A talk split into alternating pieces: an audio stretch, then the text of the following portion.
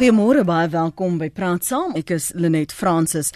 Die ANC Vroue Liga sê hy glo steeds die geheime operasie waarin joernaliste volgens hulle gebruik is om die struggle veteraan Winnie Madikizela Mandela te diskrediteer na 1994 voortgesit is. Die liga sê die doel met die operasie was om die openbare mening teen Madikizela Mandela te swaai en dat joernaliste steeds gebruik word om die karakter van sekere vroue in hoë posisies aan te val. So kom ons plaas die geloofwaardigheid van die media om persoonlikhede en die diskurs, die narratief oor 'n persoon te bou, af te breek en die gesprek oor Suid-Afrikaanse kwessies te bepaal. Kom ons plaas dit vir oggend in die kollig. Ons gaste is die joernalis en politieke kommentator Dr Max de Pre. Goeiemôre Max. Uh, Goeiemôre. Ek is sommer Max, wat? Ja, dankie. Ek ek sal dit onthou. Asook professor Herman Wasserman. Herman Wasserman is die direkteur van die Sentrum vir Film en Media Studies aan die Universiteit van Kaapstad. Goeiemôre professor. Môre net. Kom ons praat gou eers oor die mag van ink eh, of dan nou tweets deesdae. Is dit nog so magtig Max soos in die 80er jare en waarom is dit veral vir diegene wat nie as joernaliste of media of deel daarvan was in die 80er jare nie, waarom is dit belangrik om hierdie gesprek nou in hierdie millennium te hê oor die media en hulle rol destyds? Ja, dit is seker belangrik omdat uh, die die uh, skinderveld tog so heftig is. Dit is belangrik omdat veral die EFF uh homself as die vyand van 'n uh, vrye media verklaar het en aktief in uh, optree om die media te ondermyn en en uh suspicie te saai. Ehm uh, ek het nog nooit soveel uh ontkenning van die geskiedenis gesien as in die laaste week nie. Ehm um, jong mense en dit sluit die hele leierskap omtrent van die EFF in want hulle was in die voorpunt daarvan ehm um, het hierdie stratkom storie die veiligheidspolisie se program in die 80er jare om die media te misbruik en ander propaganda te saai het dit gebruik om huidige joernaliste en van ons bestes in die land ehm um, verdag te maak. Ehm um, en ek het moes hoeveel keer vir mense verduidelik wat stratkom was. Ons moet nie luister na hoogs gediskrediteerde mense soos Vic McPherson uh en en en ander ou veiligheidspolisie man nie. Hulle hulle woord word nou aanvaar as as evangelie. Ehm um, Vic McPherson het vertel hy het 40 joernaliste wat hom gewerk het om om die ANC te ondermyn. Hy praat absolute nonsens. Ek het vir John Horak het by was by was 'n polisieman wat as 'n joernalis geposeer het by die Rand Daily Mail en ek het hom in 1999 in 1990 afgeloop en en hom gekonfronteer en hy het uitgekom en alles verduidelik. En hy het gesê daar was 'n paar polisie manne wat in die wat in die nuuskamers geplaas is. Hy was een, Greg Kotse was een, daar was nog een of twee ander. Hulle was polisielede. Hulle het range gehad en salarisse gehad. So die die mense waarvan Wick McPherson praat, is mense wat simpatiek was teenoor die veiligheidspolisie, teenoor die apartheid regering. Baie van hulle was by die ou SAIK. Van hulle was by die Afrikaanse koerante, maar daar was ook so een of twee hier en daar. En by die Engelse koerante. So uh, ons moet nie vir, ons moet nie dink dat die 40 joernaliste wat hy kastig van praat, ehm uh, was almal oral in die media uh versprei en het opdragte gekry ehm uh, van die polisie nie. Dis maar mense wat as jy byvoorbeeld as 'n storie breek, dan bel jy die polisie en jy vra wat is julle kommentaar? Jy het 'n goeie bron in die polisie om vir jou te vertel wat gebeur op die misdaadfront en destyds uh, het die misdaadfront in sekere gemoedere ook die politiek ingesluit. Miskien is dit nog steeds waar. Ehm um, en en as jy dan vir die ouetjie wat jou bel 'n storie vertel en jy publiseer, beteken dit nie hy is 'n agent van die polisie nie, beteken hy's 'n vrot joernalis. Die die die hele idee van die media was nog altyd verrot van regeringsspioene. Dis absolute absolute nonsens. En en ons sien dit in die sin van die twee joernaliste wat meer gedoen het as omtrent enigiemand anders om Stratkom en die veiligheidspolisie uh, aan die kaart te stel. Was die twee wat wat uh, uitgewys is as Stratkom lede, dis dan Dekka Kobule en Anton Haber. Ehm um, ek meen dit is hoe waansinnig hierdie ding geraak het. Ons moet hierdie hierdie heksejag regtig waar stop sit. Dit was 'n donker ehm uh, periode hoofstuk in ons journalistieke geskiedenis toe uh, mense die apartheidsregering se vuil werk, se propaganda werk hulle gedoen het. Maar dit is alles meer as 30 jaar gelede opgehou. Die idee dat Stratkom vandag nog bestaan en nog sy vuil werk doen, daai oomies is meeste van hulle is dood. Uh, Vic McPherson is dood. John Horak is dood. Uh die meeste van die joernaliste wat hulle simpatiek gesind was, is in hulle 70's of dood of afgetree. So ons maak hier 'n monster van iets uh wat ons regtig nie meer raak. Ons moet meer bekommer oor die geloofwaardigheid van ons joernaliste vandag. Ons moet kyk wie werk wie is wie doen die veldwerk van sekere private korporasies. Ons moet kyk na motorjoernaliste, ons moet kyk na finansiële joernaliste, ons moet kyk na politieke joernaliste wat hulle klere wys deur bevooroordeel te wees uh oor die politiek. Ons moet ophou met hierdie sê ja. Kom ons vir 'n oomblik haal die emosie uit, uit die gesprek uit en die die beweringe professor Herman Wasserman en praat 'n bietjie oor waarom sou joernaliste of dan nou die media so 'n wonderlike geskikte dekmantel wees vir inligtingversameling, intelligence gathering en en hoekom so maklik en waarom so belangrik wel indien dit so is in die 1980s? Wel ek dink as dit is omdat as joernaliste hulle werk goed doen, dan is hulle um inligtingversamelaars en hulle het hulle oor op die grond en hulle um weet wat die uh klimaat onder mense is waaroor mense praat en hulle het inligting tot hulle beskikking wat ander mense uh moontlik nie het nie.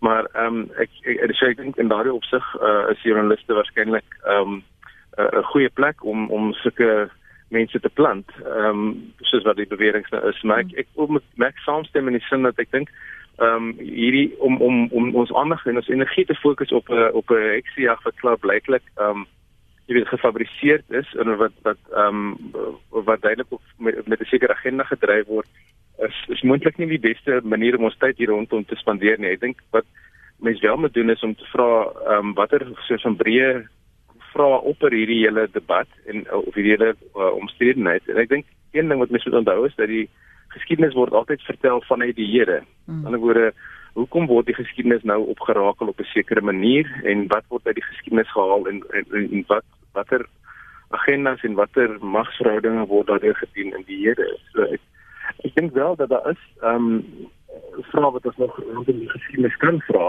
Ehm um, ek dink die hele rol van die media onder apartheid is nie maar behoore werklik ehm um, uh goed genoeg gedek al nie daai hmm. storie moet vertel word. Ehm um, ons het gesien dat die uh, waarheids- en versoeningskommissie destyds ehm um, Naspers byvoorbeeld het nie ehm um, deelgeneem nie. Ja.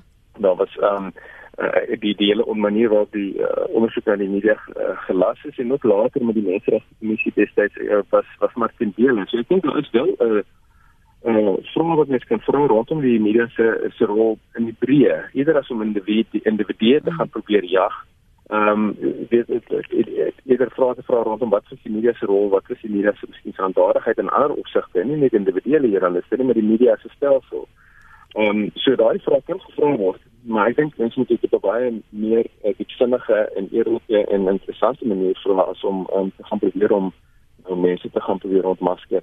En en en soos net om te reg opmerk, uh, ek dink die die vraag is watter bronne word nou hier as gesaghebend gebruik. Hmm. Ehm um, hierdie hele debakel of debat kom nou vanuit 'n dokumentêre program. Is dat dokumentêre films is moet is nie uh, journalistiek in die sin dat dit uh, alle kante van 'n saak uh, probeer weergee nie. Dit neem 'n standpunt in, dit neem 'n posisie in. Ehm um, en ehm um, daardie dokumentêr waar dit hierdie bewering spruit was gemaak op 'n forum toe daar gevoel is dat uh, anders ander kant van Winnie Mandela uh, om die publiek uh, gewys moet word um, en en om om sekere negatiewe beelde van haar ehm um, as as 'n teenvoeter vir haar vir haar negatiewe beelde. So daardie dokumentêr het 'n sekere posisie, 'n sekere agenda ook gehad. En ek dink dit is uh, juist journalistiese rol eerder as om daai bewering sommer net so in die openbare ruimte in te stuur sonder om enige konteks aan te gee en enige ehm um, soort van analise daarvan te doen. Ek dink dit was baie onverantwoordelik. So ehm um, die die geskiedenis moet vertel word. Ja, die geskiedenis moet ondersoek word nog. Daar's baie werk om te doen rondom waar die geskiedenis van die media onder apartheid wat gedoen moet word, maar dit moet op 'n beter manier gedoen word. En ek dink veral ook sosiale media is nie die plek waar hierdie soort van ondersoeke gebeur nie. Ek wil sosiale media is die beste plek waar mense ehm um, moderne mekaar slinger en vingers in mekaar wys. Dis die stem van Ek, Ja, ek, ek, Max, gaan voort. Inspring. En en en miskien daarop wys dat 'n groter probleem vir my as ons dan nou in die verlede moet bly. 'n Groter probleem vir my was die manier waarop 'n groot aantal joernaliste die Suid-Afrikaanse, die ou Suid-Afrikaanse weermag help lieg het. Help lieg het oor wat in Angola aan die gang was, help lieg het oor wat in Namibië aan die gang was. Ehm uh, en die SAIK, die ou SAIK was 'n aktiewe deelnemer hier en was deel van die propaganda program. Ehm uh, dokumentêre dokumentêre programme soos oor Brug 14 wat die weermag verheerlikheid ehm um, en en die leuns geperpetueer het van wat die weermag werklik gedoen het uh in ons buurstate in Angola en so aan. Dit is my 'n baie groot probleem mm. en dit was 'n vorm van embedded journalism want as jy 'n militêre korrespondent is, word jy gekies, jy word gekeur as jy nie uh, klaring kry nie, dan kan jy nie 'n militêre korrespondent wees nie. Ek is nie geklaar nie. Ek was nie ek kon nie 'n militêre korrespondent wees in die laaste dele van my universiteite lewe nie want hulle het gesê ek is nie uh, ek is ek is 'n bedreiging. Mm. Dit was 'n groter dit was 'n groter probleem en ons verstaan ons militêre geskiedenis nog swakker as wat ons ons politieke geskiedenis verstaan. Ehm um, want eh uh, die weermag het die, die joernaliste baie beter hanteer. Mm. En dit beteken nie hierdie joernaliste was op hulle payroll nie. Dit beteken hulle het 'n joernalis, al jonger joernaliste het gesê, maar as dit die enigste manier is wat ek die storie kan kry, uh is om om die samweermag saam te werk dan dis is dit wat ek sal doen. Party van hulle was bloot onkundig en ander was uh sekere koerantredakteurs was uh, ideologies aan die kant van die Suid-Afrikaanse weermag. So ons weermag storie is nie mooi vertel nie en en ek dink ons joernaliste moet skuld daarvoor dra. Daardie daardie tydvak was was gemeet en gesien as as 'n intense wantroue nie net van mekaar nie, maar van wie die sogenaamde vyand sou wees, meer spesifiek dan ook ook die die media en en baie maklik is mense uitgekry as pimpies. Hoe anders is dit nou in terme van vertroue wantroue Herman uh, van die media en van wie dan die sogenaamde vyand is? Wel, dit is baie anders in die, in die opsig dat ons in 'n demokratiese samelewing bly om te begin. So ons kan hierdie vrae vra ons kan hierdie gesprekke hê wat ons in die verlede nie kon gehad het nie. Mm. Ehm um, so ek dink in in, in daardie opsig is dit is dit baie anders te maar as ek aanvanklik gesê het ek dink mens moet uh, onthou dat die geskiedenis altyd vertel word vanuit vanuit 'n posisie in die hede. En en daarom as die geskiedenis nou vertel word en daar word sekere al is dit baie wilde en woeste beweringe wat nou gemaak word en soos gesê het ook beweringe wat ehm um, ongegrond of kan ook net gewoon uh, miskien nie baie behulpsaam is om vrede te verstaan nie maar baie beweringe nou gemaak is vra vanuit watter posisie in die Here word hulle nou gemaak en wat is die klimaat nou op die op die oomblik uh, en die, die houding teenoor die media en dan is daar sekere goed wat wat mense kan sekere goed wat mense bekommerd maak. Ehm um, dit is so dat daar 'n sekere verdagmakery moontlik van die media aan die gang is in die breë en mens moet switch vra waarom dit die geval is.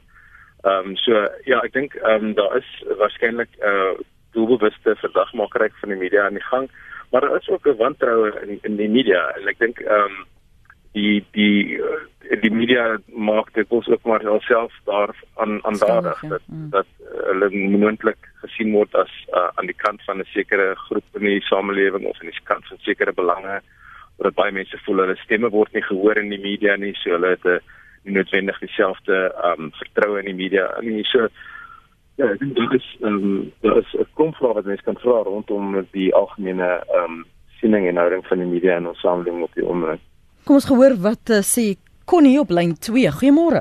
Môre net jou gaste. Ja, daar sit seker nie 'n beter voorbeeld uh as meneer Max Dupree daar by jou nie wat kan getuig oor die media. Uh hy sal seker onthou. Ek hoef hom nie daaraan te herinner hy ken dit baie goed sy vir hy weekblad uh geval Ek dink sonder 'n vrye media bestaan of het ons geen konstitusionele demokrasie nie en uh, dit is ook gevestig in die hoekstene van ons uh, grondwet. Uh die media moet natuurlik voldoen aan hulle professionele kode en ek dink wat baie belangrik is, uh, gebalanseerde en onbevooroordeelde, onafhanklike en dan baie belangrik getoetste en geverifieerde inligting. Uh Max het ook verwys na die SAIK. Nou ons sal onthou dat net jy het verlede week gepraat rondom die staatsveiligheidsagentskap. En dit is baie belangrik om te kyk hoe hulle daarvoor ingespan word, uh, selfs vandag nog. So jare wat gelede die SAIK personeel daar by hulle in die SAIK geklaar dat hulle gemonitor word om lekkasies van inligting vanuit die openbare uitsaaier te verhoed.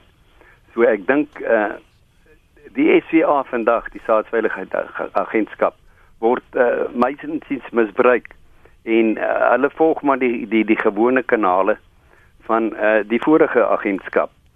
So ek dink dit is baie belangrik dat dat die media maar katvoet loop rondom hierdie uh spooke en uh ek ek ek dink dit is iets wat definitief aandag moet kry as ons ook nou kyk rondom die gebeure tussen uh die die uh Fraser geval wat nou ondersoek moet word. Ek luister by die radio en hoor wat julle sê. Baie dankie vir vir daardie mening. Laat ek aanhaak.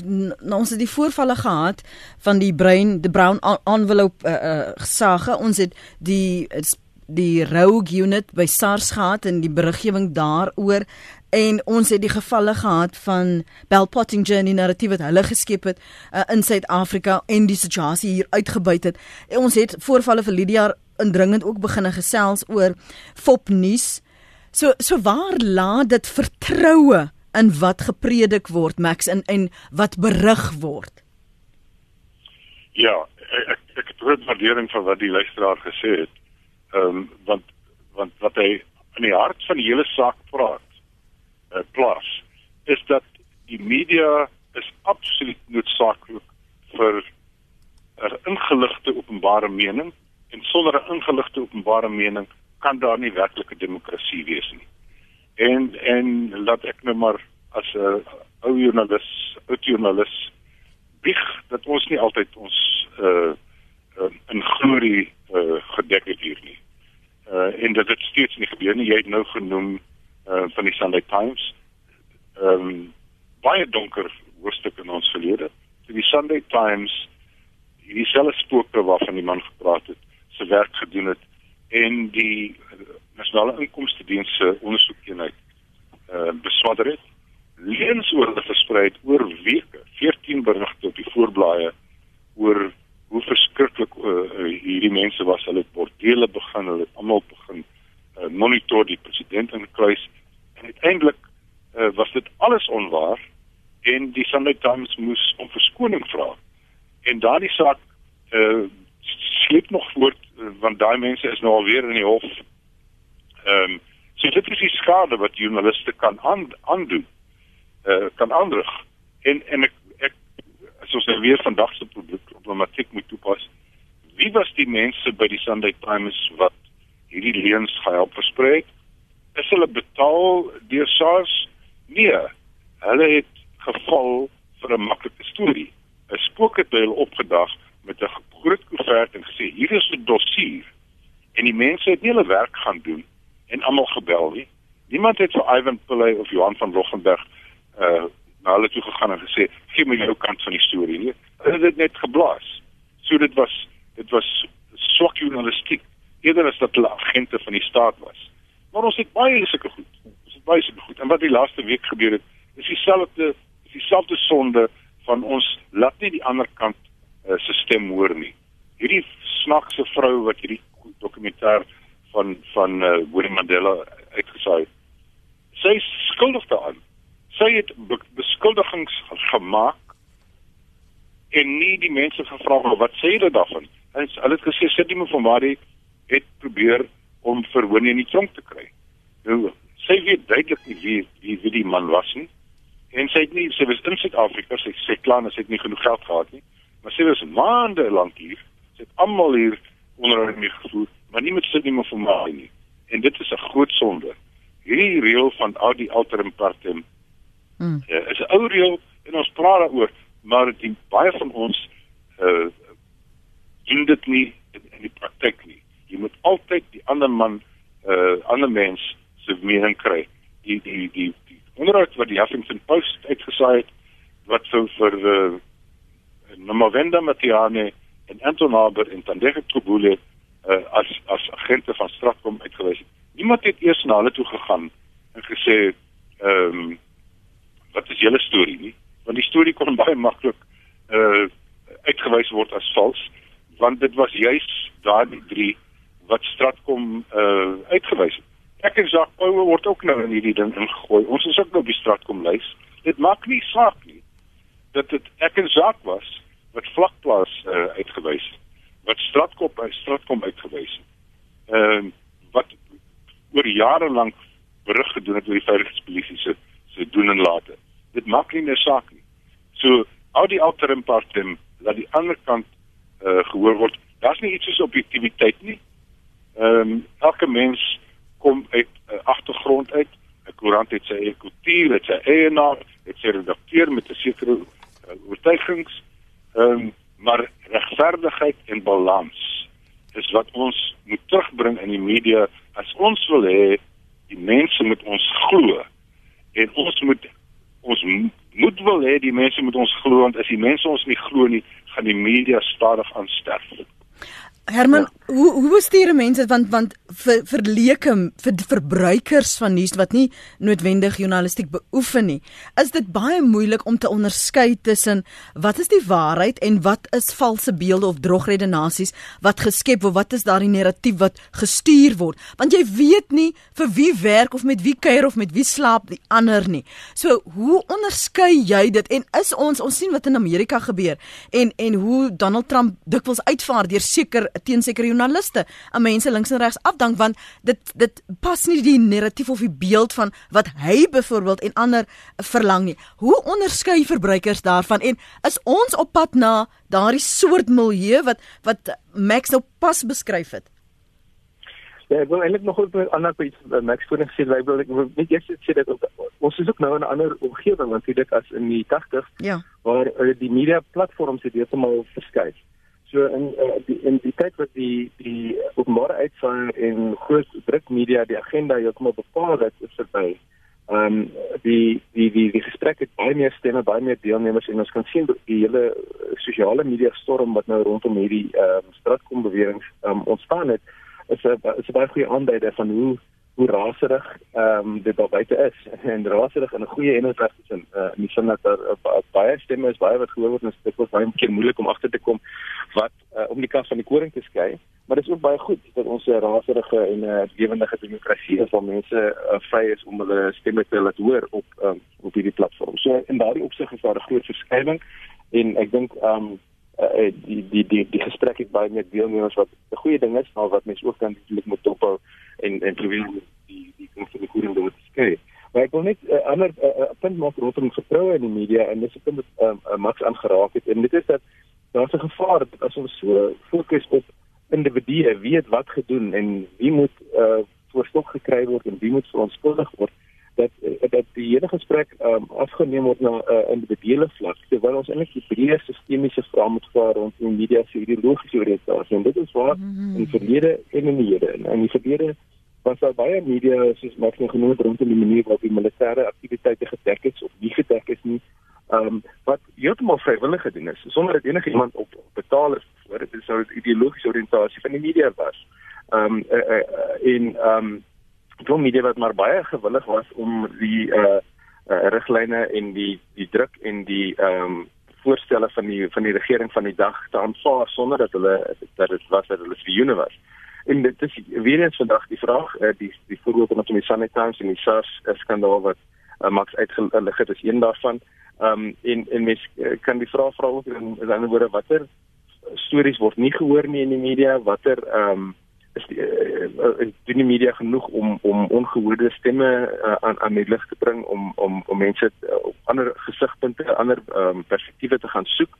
Ehm um, en en die gevaar van lui journalistiek of van soort journalistiek of van journalistiek wat maar uh, dinge op ehm um, die Engels sê face value wat mm. ehm um, jy weet uh, sonder om ondersoek te gaan doen wat weer 'n geval van hierdie dokumentêr self was om net sê wow, dis 'n dokumentêr mense maak beweringe kom ons sit dit buite uh, en stuur dit in in die openbare sfeer en sonder om vrae daar rondom te vra.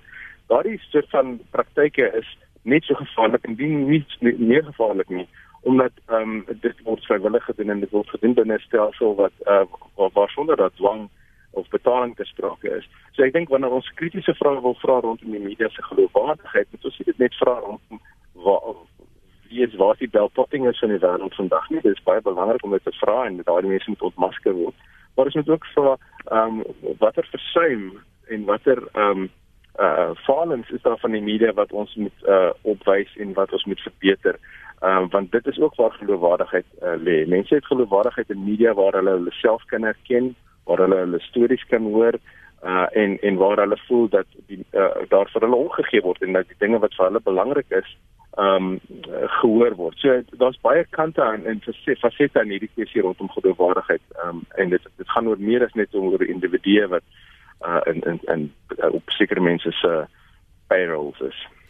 Een van ons luisteraars sê dis 'n kwessie van dis 'n brood ek breek, dis 'n woord ek spreek en dan sê jy die ander een uh, Henny uh, in Pretoria.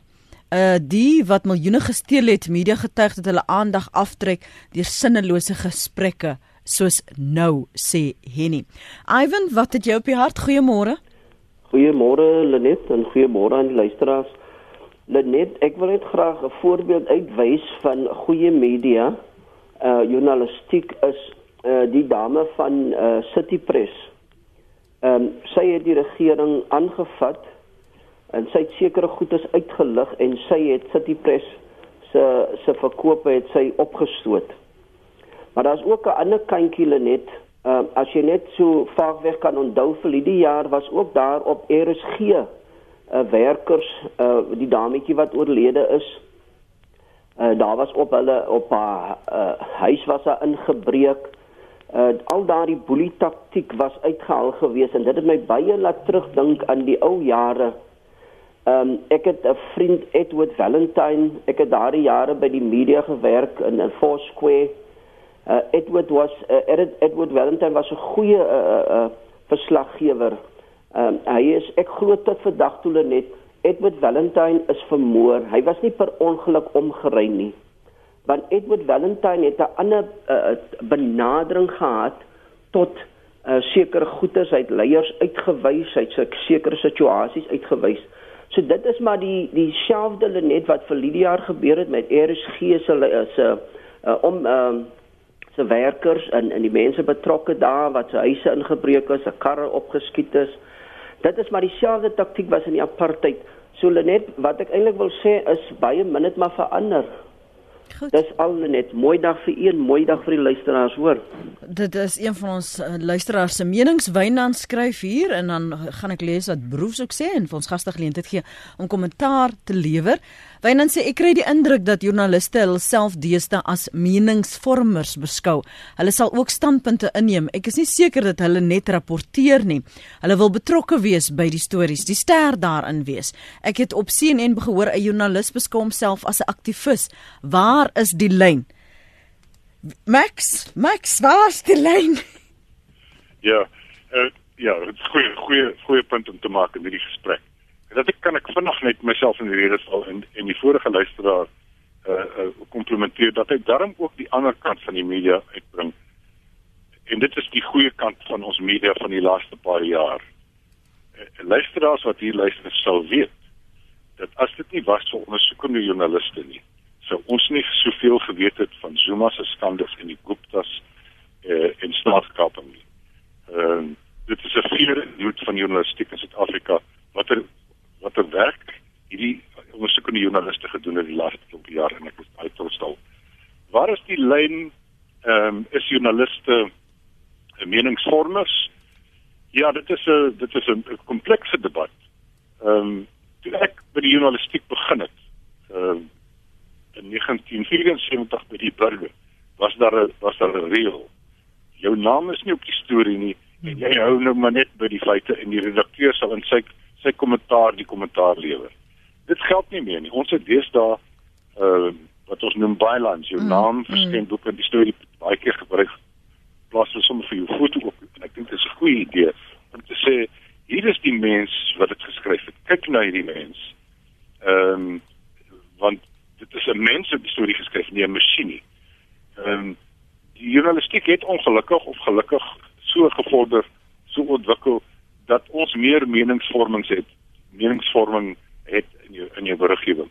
Dit is 'n belangrike reël dat ons in die journalistiek uh moet sê hierdie berig is 'n ontleding of 'n mening en hierdie berig is 'n feitelike berig. Uh en, en ons maak baie keer nie die onderskeid nie. En ek dink lesers en luisteraars raak dan verwar. Is hierdie nou feitelike weergawe van wat gebeur het of is dit die verslaggewer se interpretasie? Wel dit is altyd in 'n sin is verslaggewer se interpretasie want jy kan jy sien dit uit jou eie oë uit. Maar dis weer die die die idee van balans en regverdigheid dat al die kante gehoor word en gesien word. Ehm um, maar ja, ons is baie meer die die journalistiek het so ontwikkel dat mense wil meer interpreterende berigte sien as net kort dit is wat hy gesê het en dis wat hy gesê het. So daar is 'n element in ehm um, van kom ons gee die konteks van die storie. Jy mm. kan nie net sê ek het so gesê en Jan het so gesê jy moet sê wie's Piet en wie's Jan? Waar kom hulle vandaan? En dit is die omgewing van hierdie storie wat 'n swaarder las plaas op die joernalis om uh, gesien te word om regverdig en gebalanseerd te wees. Eh, eh, het die feit dat die ons hierdie era van sosiale media betree en en infotainment wat so hoog op die agenda is blogs en elke een is 'n 'n citizen of the world en het 'n opinie het dit die grense van wat is werk en wat is vermaak bietjie vervaag Herman Uh ja, ek dink daai grense was nooit heeltemal so duidelik as mense baie keer dit dink nie. Ek bedoel, koerante destyds ook, maar wat nou baie vermaak en gehad en politiek is ook in sekere sin hoe dit gedek word. Is ook maar dikwels vermaaklik uh, word dikwels gefokus op, op politici se skandes en hulle persoonlikhede eerder as miskien op die substansie van wat hulle sê jy dink die twee vermaak en en dis is maar dikwels baie meer verweef maar dit is so dat ek dink die sosiale media natuurlik die landskap heeltemal verskuif. Ehm um, dat journaliste deesdae veral aanlyn is baie meer kuratore van 'n klomp stemme wat uh, sekere stemme uitlig sekere stemme selekteer jy kan maar kyk byvoorbeeld hoe daaroor uh, op op aanlyn uh, platforms berig word oor ontwikkelende stories. Dit is maar net 'n uh, versameling van tweets wat daar geplaas word. Mm, mm. En ehm um, die die die gevaar natuurlik om 'n uh, rigiede onderskeid tussen feite en mening te te trek is dat jy dan kan veronderstel dat die feitelike stories het geen interpretasie nie. En dit is 'n probleem want ehm um, daar's altyd interpretasie, altyd seleksie ter sprake. Ehm um, So dit bring ons maar weer terug by die vraag wat ons voorheen gevra het. Ook onder apartheid ook nou uh sogenaamde feitelike beriggewing deur mense wat nie betaal word nie, mense wat nie uh, agente was of spioene was of enigstens nie, maar wat tog sekere seleksie en sekere uh uh hoeke op 'n perspektief op 'n storie plaas wat dan meningsvorm en wat dan uh, die waarheid op 'n sekere manier uit, uit die verf laat kom. So um ek dink dit is uh selfs mens moet nie dink dat feitelike beriggewing is maar net feitelike beriggewing en daar is geen interpretasie en seleksie bespreek nie. En daarom is dit belangrik om te vra wat vorm journaliste ehm um, hoe word hulle gesosialiseer? Wat uh, is hulle perspektiewe? Met ander woorde, wat beïnvloed daardie seleksie en wat beïnvloed daardie perspektief waarmee ook feite aangebied word? Maar ja, dit is sodat in die sosiale media omgewing van vandag is daar baie stemme wat meepraat en ek dink dis ook 'n goeie ding in die sin dat ehm um, die publiek het baie meer van 'n ehm um, uh die die moontlikheid is daar vir verlede van die publiek en dit is natuurlik vir wie toegang tot die platforms ja, en so meer. Ja. Maar hulle kan ook terugpraat na die media. Hulle kan ook SMS stuur na die radio soos dit nou gebeur of hulle kan um op Twitter gaan of hulle kan op Facebook gaan en sê maar ek dink hierdie ou praat nonsens. Ek dink so daar's daar's baie meer deelnemers aan die gesprek. Mm. Dit is uiteraard tog maar 'n goeie ding. Maar dit die haas om eerste te wees, die breaking news te plaas, te post, te tweet en dan net later as jy 'n fout agtergekom het of 'n fout begaan het en nie jou jou bronne of so nagegaan het nie, dat dit net onmiddellik weer terug te trek en verskoning te vra en dan moet dit nou aanvaarbaar wees. Max, is dit waar ons journalistiek vandag is? Ja. Ja, dis 'n ou siekte en dit is 'n siekte wat erger raak. Die die die die drang om te wil skoop, om eerste te wil wees. En ons het hoeveel gevalle gehad in die laaste paar jaar van koerante en, en ander media, uh, radio ook wat uh, flagrante foute gemaak het in die haas om eers te wees met die storie. En en ek jonger joernaliste, hierdie ding van 'n skoop, dis dis 'n ou mite. Dat dit is wat jou gehalte bepaal as 'n as 'n joernalis, dat jy was eers met die storie. Ehm um, wat mense baie meer onthou is wie was reg met die storie. Wie die werklike verhaal vertel. En en terug te kom by jou sosiale media uh punt. Uh, ek dink die sosiale media dit is net ons dit gaan nooit verdwyn weer nie dit gaan net groter word. En hier is 'n unieke geleentheid vir joernaliste van die hoofstroom uh, van die hoofstroom media werklike joernaliste nie burgerlike joernaliste om te sê die sosiale media Twitter en Facebook gaan groter belangstelling wek onder die gewone mense oor wat aangaan in die land soos maar nou gesê het maar waar ons inkom as professionele joernaliste is jy kan ons vertrou jy kan jy weet nie wat as jy iets op die internet lees of op Facebook lees of Twitter, jy weet nie wie se die ou nie, jy weet nie waar kom dan sy inligting vandaan nie. Dan moet jy jou wend na die hoofstroom joernaliste. En en weet uh, Piet van der Merwe, ek ken sy geskiedenis. Hy was nog altyd reg, hy's altyd gebalanseerd. Ek gaan hom aanklop. En dit is hoekom daar altyd 'n plek gaan wees vir joernaliste, opgeleide uh, professionele joernaliste, want ons uh, moet 'n status hê dat ons vertrou kan word, ons inligting vertrou kan word. En ons doen onsself nie vreeslike guns in die verband. Willie, kom ons hoor wat sê jy? Die ding wat ek al baie keer oor nagedink het, is verantwoordelike beriggewing. Dat daar nie vrae gevra word nie. Ehm um, ek wil net 'n 'n voorbeeld uitbring en ek wil dink dit het 'n politieke agtergrond. Listeorose Die oomblik toe dit die koerante tref en die hysterie wat daarop gevolg het en soos Max praat van 'n skoop 180 mense dood in 'n jaar en 'n half. Dis sleg, absoluut. Maar niemand, en nou wil niemand belounie koop nie. 'n Hele bedryf is besig om in duie te stort daar. 'n Gedeelte van die boerdery van die varkgedeelte is besig om in duie te stort. Duisende mense verloor hulle werk as gevolg, maar geen joernalis het uitgekom en gesê mense 1000 mense sterf met 'n lang naweek op die pad met vakansietyd. Maar niemand huiwer 'n oomblik om sy kar te klim en op die pad te wees nie. Nou die die Leslie Rose het nou weer van die Estimeni die, die aandag afgetrek van die swak hospitale van die eh, eh, van wat daar gebeur en en ek ek dink dis waar 'n verantwoordelike joernalis moet kom en sê hoor kom ons trek dit 'n bietjie vergelykings hier. Jy praat van 1 in 'n miljoen sterfte oor 'n jaar teenoor mense, baie mense wat sterf en daar's geen fabriek van wat voertuie vervaardig is toegemaak nie. Geen wapenhandelaar is toe is toegemaak nie. Maar dis die rose, alles van die rakke af. oor 'n bietjie perlounie en 'n paar mense wat gesterf het. Hulle weet nou waar die probleem is. Maak dit reg. Maar trek dit terug sodat die bedryf weer kan aan op hulle voete kom en dit dit is wat my betref. Een moet die leiding neem in die journalistiek en sulke tipe vergelykings begin tref. Goed, dankie Willie. Uh, Avril, kom ons hoor van jou gaan nou vir jou kans German. Uh, Avril gaan voort. Ja, goeiemôre. Ek wil net vir vir Max vra wat bepaal die journalistieke kode? Moet die ander kant gehoor word en is die rede hoekom die ander kant nie gehoor word nie dan staan nie meer 'n sappige storie nie, want dan kan die waarheid nou uitkom. Baie dankie. Ja, wisse waarheid, né? Everal, dankie ook vir jou mening. Herman, jy wou sê? Nee, ek wil reageer op die listeriose storie. Ek mm. dink mense moet versigtig wees om um uh, uh, uh ek dink die die dit is so daar word altyd weer gegee oor die sterftes op die paaie. Uh, dit word altyd gelig en ja, daar is sistemiese probleme miskien wat wat na gekyk moet word, maar ehm um, dit is nie heeltemal dieselfde dat uh, die verantwoordelikheid by motorvervaardigers lê nie. Die die verantwoordelikheid en die probleem vir die sterftes op die paaie lê elders.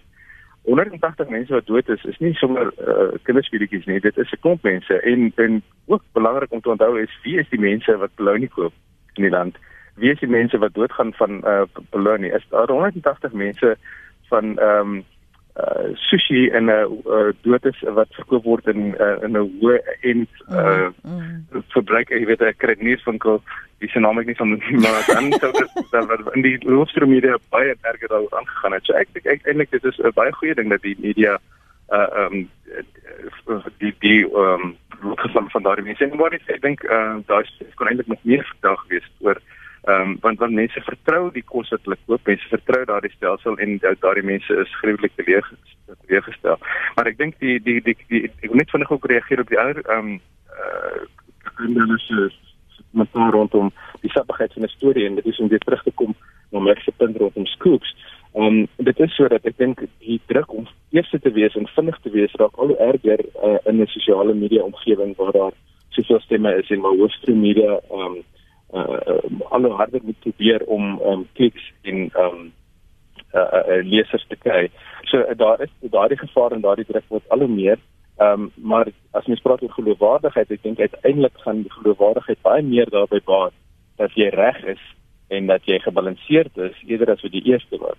So ehm um, ek dink ja, so daar's 'n beweging internasionaal op die oomblik waar mense praat van stadige journalistiek, hmm. slow journalism. En dit is miskien net seker opsigte idealisties, is dit is moontlik, maar daar is tog iets te sê daarvoor dat veral hoofstroom joernaliste wat wat nie net op sosiale media is nie, maar wat dis werk dit is om inligting te verskaf en inligting vir ons te verpak op 'n manier wat ons ja, om dinge beter te verstaan, ehm um, ook tog 'n bietjie stadiger sal wees en sal sê maar kom ons gaan nou onder hierdie geraas, ons gaan onder hierdie oppervlak gereis en ons kyk wat lê onder ons doen ondersoek en ons doen analise en ons uh, bied vir ons lesers uh, begrip aan op 'n manier wat hulle nie kan kry met in die gehaar van van alledaagse sosiale media nie. Hmm.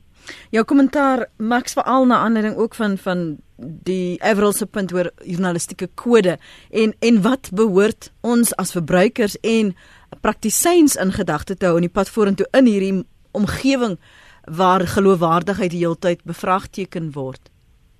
Ja, die vraag spesifiek was moet die ander kant gehoor word. Mm. Dit is absoluut reël nommer 1 in enige enige journalistieke kode waar enigsins moontlik moet almal wat betrokke is by by 'n berig uh, se mening getoets word. Daar's geen twyfel oor nie. Dit is nie altyd heeltemal so letterlik moontlik nie, maar dit moet gedoen word en dit word nie altyd gedoen nie.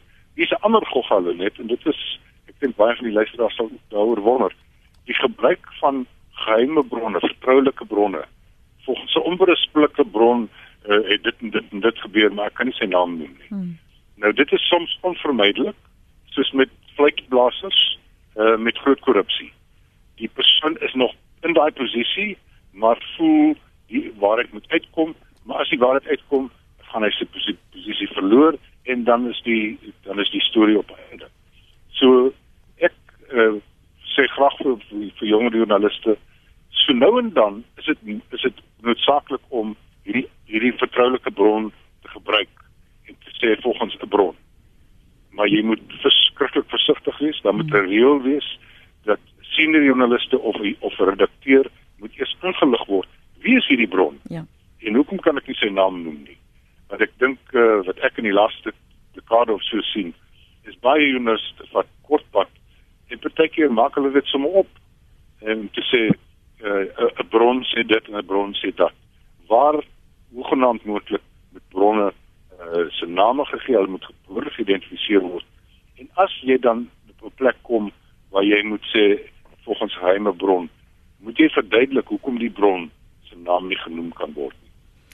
Herman ter afsluiting so 'n minuut en 'n half as jy as 'n verbruiker van van media wat is die toets wat jy toepas om te bepaal wil ek hierdie lees? Is dit die waarheid?